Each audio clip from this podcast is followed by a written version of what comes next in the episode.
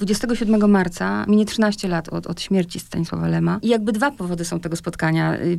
Pierwszy to ta rocznica, a drugi to też rozwiązanie konkursu architektonicznego Planeta Lem. Najpierw trochę o tym konkursie, bo ciekawi mnie, jak się panu, no był pan w komisji, więc wiadomo, ale już teraz można się wypowiadać. Czy to był też ten projekt, na który pan stawiał? Jest pan zadowolony z tego wyniku? Tak, to, to był najlepszy projekt z tych, które przeszły do finału. Natomiast tam architekci jednak zmagali się z dosyć surowymi warunkami wyznaczonymi przez plan zagospodarowania miejscowego. I chociaż przewodniczący komisji konkursowej powiedział, że ta lokalizacja to jest taki afrodyzjak dla każdego architekta, bo bardzo prestiżowe miejsce, to jednak na przykład w środku właściwie na dziedzińcu miał zostać zachowany teren biologicznie czynny. W związku z tym nie można tam było niczego zbudować czy zabudować, więc trochę się śmiejemy, że takie święte byliny są. I każdy projekt jest przecięty tymi krzewami, bo tam nawet nie ma drzew, bo oczywiście drzewa należy szanować i chronić, ale akurat tak wyszło, z planu zagospodarowania, więc to już było wyzwanie. Już trudno uzyskać było jedną spójną powierzchnię, a, a taki był między innymi wymóg konkursowy. Ja rozmawiałam z wygranymi i podpytywałam ich, jak się przygotowywali do konkursu, to zdradził mi właśnie jeden pan, że podzielili się książkami Lema, czytali. Co w tym projekcie wygranym jest lemowego? Tak, to jest projekt, który jako jeden z nielicznych rzeczywiście w jakiś sposób się odnosi do twórczości Lema. Jakoś próbuje z nią nawiązać mm, dialog, czy koresponduje. Myśmy w komisji trochę się śmiali, że ten projekt nam przypomina taką grę komputerową Minecrafta, bo on jest skonstruowany takich modułów, trochę jak klocki Lego, taka bardzo uporządkowana struktura powtarzalna. No kojarzy się to z tymi wszystkimi mechanizmami Lema, bajkami robotów, cyberiadą trochę, chociaż na przykład y, interpretacje graficzne Mroza, Cyberiady czy bajek robotów są takie bardzo rozbuchane i tam, tam się dużo dzieje, a tutaj jest taka symetryczna, uporządkowana struktura, konstrukcja, ale w jakimś sensie taka mechaniczna. Trochę się gdzieś tam, zależało nam na stylistyce, która się nazywa futuro retro, retro futuro, taka z lat 70., bo to jest coś, co za 20 czy 30 lat nie wyjdzie z mody. Każda taka bardzo futurystyczna stylistyka teraz grozi tym, że za kilkadziesiąt lat będzie po prostu komiczna, prawda? A, a to jest coś ponadczasowego. No i tu rzeczywiście ci architekci wykazali się mm, rodzajem empatii, jeśli chodzi o, o twórczość Lema. I też jest to projekt efektowny, natomiast on może być trudny do realizacji, bo tam duża część tego budynku znajduje się pod ziemią. Cała sala poświęcona Lemowi, tej wystawie stałej, którą bardzo ciekawie zaproponował Jacek Dukaj. To ona będzie, powinna być pod ziemią a to może być dla miasta ciężki orzech do przełknięcia czy zgryzienia, no bo siłą rzeczy mm, są to gigantyczne koszta. Idealną okazją w takim razie jest książka, która się pod koniec zeszłego roku pojawiła nakładem wydawnictwa literackiego. Stanisław Lem, Diabeł i arcydzieło, teksty przełomowe i mając 20 minut na rozmowę, na pewno ją przedłużymy, zastanawiałam się, jak o takim gigancie rozmawiać. Na pewno powiemy o, o kompozycji, o, o założeniach, ale pierwsze pytanie jest takie, czy ktoś, kto na przykład jest miłośnikiem twórczości Lema, tego wytworu jego wyobraźni. Zastanawiam się, czy będzie mu odpowiadała ta książka, bo to jest jakby o tym, jaki Lem jest, prawda? Powiedzmy, co się znajduje w tej książce. Koncepcja generalnie była taka, żeby opublikować kilka tekstów mało znanych, czy też w ogóle nieznanych, bo, bo tam kilka tekstów było tylko w maszynopisach. Nie ukazało się nigdy w formie ani książkowej, ani w żadnym czasopiśmie, ale też jakoś tak wyjść naprzeciw prośbom czytelników i oczekiwaniom, żeby przypomnieć te takie najważniejsze, waham się, czy mogę użyć tego słowa, bo ono jest nadużywane, ale w gruncie rzeczy kultowe teksty które gdzieś tam krążą w obiegu mm, kultury, które bardzo często są w całości cytowane w internecie. Ja w ogóle byłem zaskoczony właśnie, jak przygotowywałem tę książkę i odnajdywałem te moje propozycje potem na różnych forach internetowych i tam były obiektem zagorzałych polemik i dyskusji. No więc pomysł właśnie był taki, żeby to jakoś połączyć w jedną spójną całość, co u Lema nie jest skomplikowane o tyle, że on tak naprawdę... Mm, zawsze znalazł, zawsze pisząc swoje teksty stara się znaleźć jakiś taki wspólny mianownik, czy zawsze poszukuje, jak śmieje się Jarzemski, teorii wszystkiego. Bez względu na to, jaki temat porusza, to stara się to jakby przystosować i dopasować do takiej uniwersalnej teorii. To dobrze powiedziane, bo to jest teoria wszystkiego. To jest teoria wszystkiego. Ja, ja tu chciałem powiedzieć, że ja w pełni podzielam pani kompleksy, bo ja czytając generalnie Lema, tę książkę również też się nabawiam potwornych kompleksów. Tego nie można czytać szybko. To są skomplikowane rzeczy. Powiedzmy tak, najpierw, żeby uporządkować jeszcze przełom jakich lat, te teksty od 56 do śmierci. Właściwie tak, no może troszkę wcześniej. Od, od samego początku, czyli chyba pierwszym tekstem chronologicznie to są dialogi, które powstały na początku lat 50., a ukazały się dopiero kiedy nastąpiła odwilż po śmierci Stalina, no bo wcześniej ta książka w żadnym wypadku chyba nawet Lem nie próbował jej przedstawić cenzurze, a kończy się chyba na latach 80. Tak, takie, takie są ostatnie teksty. A sam, sama kompozycja, to już do pana należał ten podział, że podzielił to pan właśnie na kulturę, na naukę, na futurologię? Wydawało nam się, że taki dodatkowy element porządkujący, czyli te cztery działy, przy czym czwarty dział już jest taki bardziej rozrywkowy i to jest ukłon. To ma dać trochę wytchnienie czytelnikowi. Daje. I to był najprzyjemniejszy. No, on ma charakter głównie anegdotyczny. Tak. tak trochę miał pokazać pisarza od kuchni. Natomiast prawda jest taka, że to, co mówiliśmy, bez względu na to, czy Lem pisze na temat literatury, czy fizyki kwantowej, on cały czas porusza się w obrębie tych samych zagadnień. Zastanawiam się, no nie wiem, czy go pan widział też przy pracy, albo może ma taką wiedzę, żeby napisać taki esej, to czy po prostu on już był przesiąknięty tymi wszystkimi informacjami, czy on też siadał na przykład do jakiegoś eseju i okładał się jakimiś materiałami źródłowymi? Do niektórych książek robił taki, nazwijmy to research, czy, czy tam zdobywał dodatkowe informacje. Natomiast Lem bardzo wcześnie, bo to był taki buldożer intelektualny czy naukowy, bardzo wcześnie posiadł wiedzę, powiedzmy naukową, na poziomie uniwersyteckim z kilku, a nawet kilkunastu dziedzin. Także on był właśnie w stanie swobodnie prowadzić dyskurs y, z naukowcami z danej dziedziny i to się zachowało w korespondencji, gdzie oni są tak zafascynowani właśnie jego znajomością tematu, że, no, że, że wchodzą z nim w jakąś bardzo głęboką dyskusję. I wydaje mi się, że, że o tyle było mu łatwiej. Miał, miał pewne przygotowanie, miał, miał olbrzymi zasób właśnie teoretyczny, ale też był tytanem pracy, bo, bo on to po prostu pochłaniał. Czytał książki w tempie no, niesamowitym i uczył się też cały czas. Jest taka anegdota, ale prawdziwa, że on języka angielskiego nauczył się biernie, co prawda, ale w stopniu, no, można powiedzieć, doskonałym, ponieważ chciał przeczytać cybernetykę Winera, która była tylko dostępna w latach 50. w języku angielskim. I on na tej książce, która nawet dla native speakera byłaby bardzo często nie do, nie do zgryzienia, on na tej książce nauczył się mówić po angielsku i rozumieć po angielsku. Mnie zawsze fascynuje to, jak takie umysły wielkie, bo to są wielkie umysły, mając do dyspozycji taki sam czas jak my, zwykli ludzie, 24 godziny potrafią go zupełnie inaczej wykorzystać. Mm. To jest, chciałabym posiąść tę wiedzę. No to jest deprymujące. Zapewne więcej tych połączeń nerwowych y, i, i jakby więcej synaps, które gdzieś tam wchodzą ze sobą w interakcję sprowadzając to do takich biofizycznych aspektów. Czy ma pan na przykład y, jakiś swój ukochany tekst tutaj? I czy to jest, nie wiem, tekst o nauce, futurologii, może literaturze? To jest tekst z sumy technologicznej, zatytułowany Chaos i Ład. I to jest tekst, który tak naprawdę opowiada mm, historię nauki, jak zmieniał się światopogląd naukowy człowieka. Pokazuje, jak zmieniały się nasze poglądy na budowę materii wszechświata od Ptolemeusza począwszy na y, fizyce kwantowej skończywszy. To wszystko rozgrywa się na trzech stronach, czy czterech stronach. Jest to tak niesamowity kondensat. Czyta się to jak mm, jakiś romans albo powieść sensacyjną, bo jest to pokazane na przykładzie urzędnika bankowego, jego ciotki i sublokatorki, która z nimi mieszka. I interakcjach, jakie zachodzą pomiędzy tymi, nazwijmy to, ciałami, bo to tak w fizyce jest traktowane.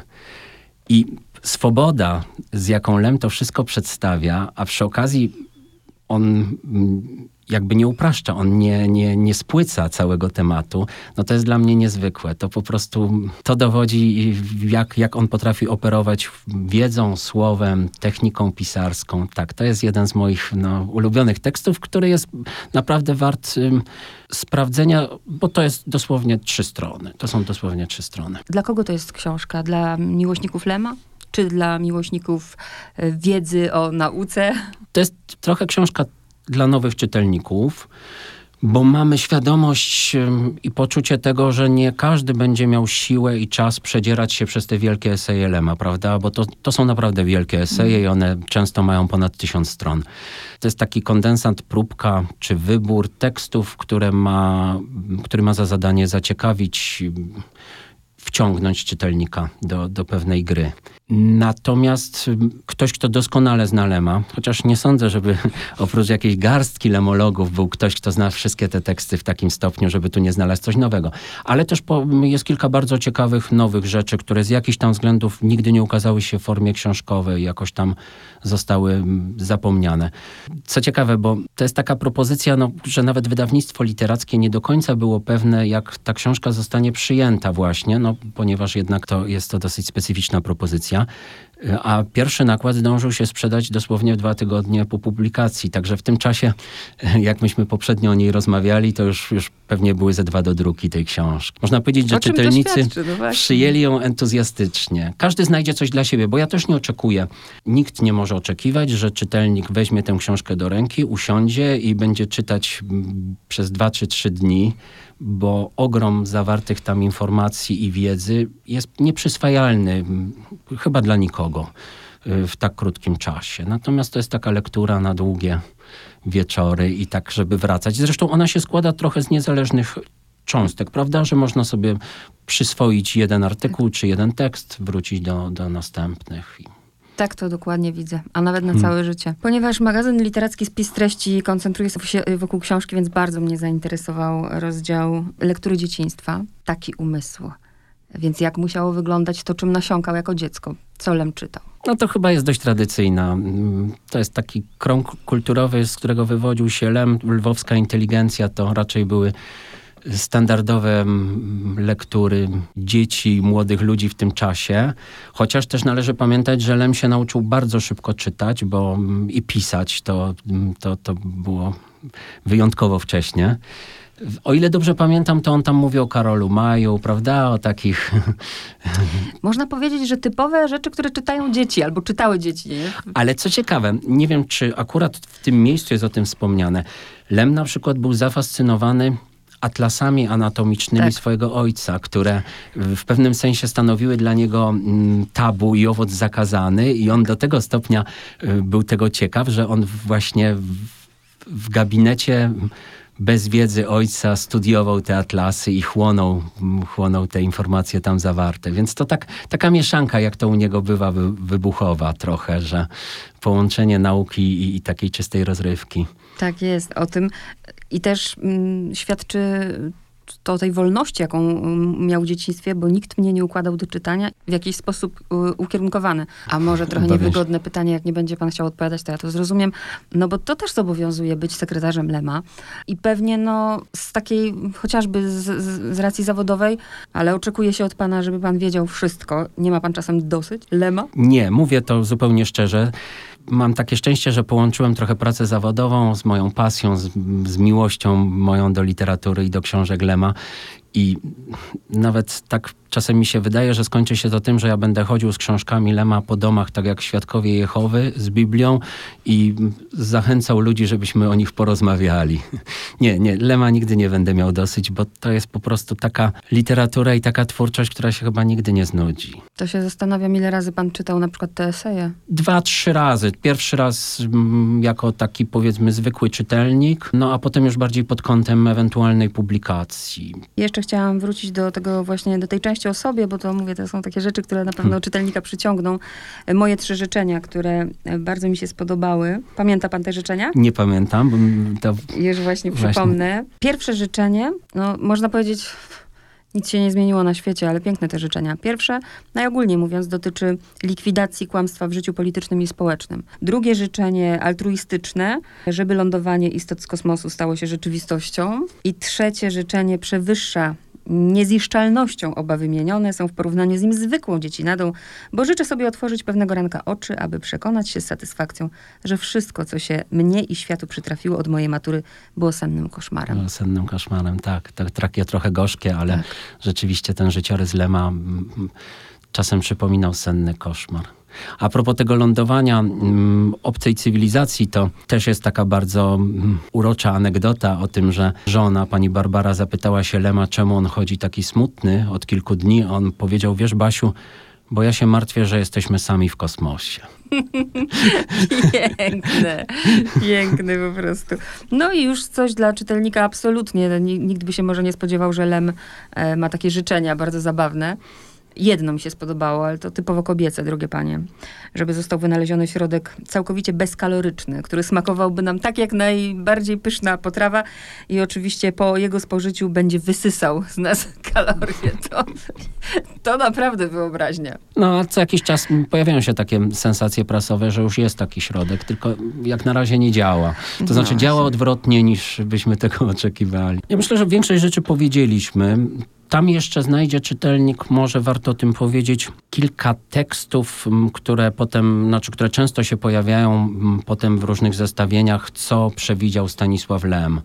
Bo to są też ciekawe rzeczy, jak jemu się udało precyzyjnie niektóre wynalazki technologiczne.